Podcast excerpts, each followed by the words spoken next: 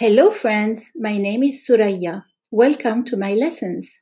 To read more about these podcast topics, or if you need language lessons or would like to check out my books, go to thouriabenferhat.com. T H O U R I A B E N F E R H A T dot com. It's best if you do the quiz first and then read the description. Are these words considered to be definite or indefinite? I will read a couple of words and you tell me whether they are grammatically definite or indefinite. معرفة definite or nakira indefinite. 1. Ahmed Is that definite? هل هذه الكلمة معرفة or indefinite نكرة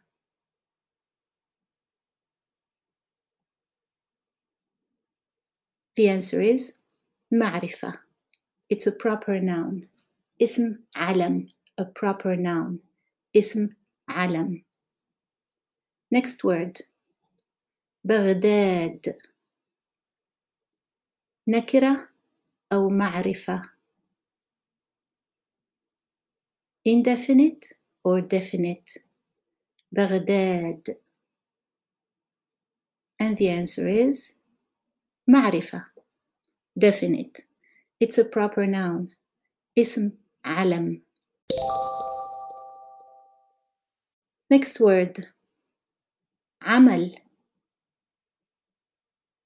نكرة أو معرفة indefinite or definite عمل it's indefinite نكرة next word العمل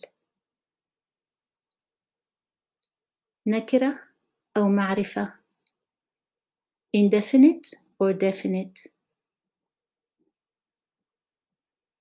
it's definite معرفة the L prefix makes it definite Next word عملي نكرة أو معرفة indefinite or definite and the answer is معرفة the long e suffix makes it definite next word عمله نكرة أو معرفة indefinite or definite عمله is definite. It's defined, the word عمل here is defined by the hu suffix. Next word. This will be two words in a row. Tell me whether the first word is considered to be definite or indefinite. عمل والدي نكرة indefinite أو معرفة. كلمة عمل في عمل والدي نكرة أو معرفة. indefinite or definite. والجواب هو definite. كلمة عمل معرفة بالكلمة الثانية والدي.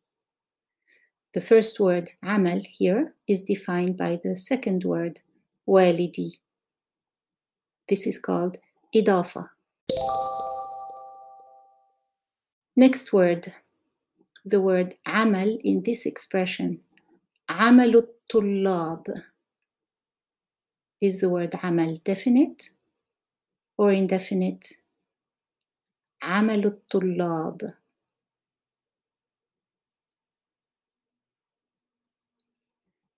It is definite.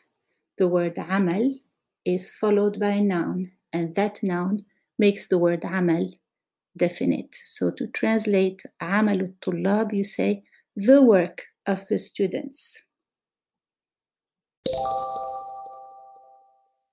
You can check out my podcast on definite and indefinite for more on this. And you can read the description of this podcast to find out more as well. See you soon.